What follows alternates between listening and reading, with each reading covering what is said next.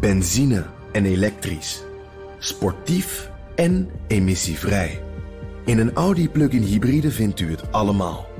Ervaar de A6, Q5, Q7 en Q8 standaard met quattro vierwielaandrijving. Wat u ook zoekt, u vindt het in een Audi. Audi.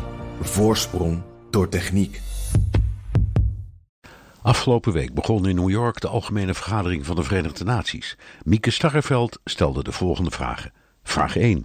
Elk jaar zien we eindeloze van papier voorgelezen toespraken. Levert dat nou ooit iets op?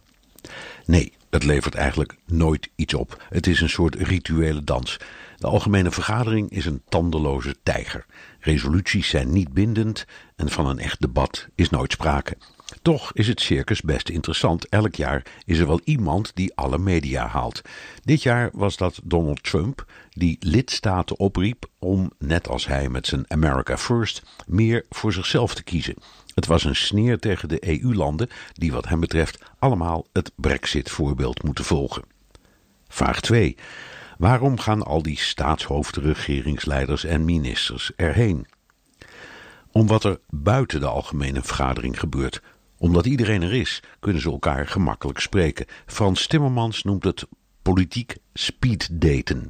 Zo kon minister Stef Blok van Buitenlandse Zaken met zijn Russische collega Sergei Lavrov over MH17 praten, wat voor het onderzoek en de nabestaanden echt heel belangrijk is. Het politieke zaken doen gebeurt vaak letterlijk in de wandelgangen. Vraag 3. We zagen en hoorden ook bijeenkomsten van de Veiligheidsraad. Is dat ook een rituele dans? Nee, de Veiligheidsraad is wel degelijk belangrijk omdat resoluties die daar worden aangenomen bindend zijn voor alle lidstaten. Vaak gaat het mis omdat een van de permanente leden een veto uitspreekt. Rusland is daarin kampioen, maar Amerika kan er ook wat van. Maar vaak lukt het wel, bijvoorbeeld over Noord-Korea.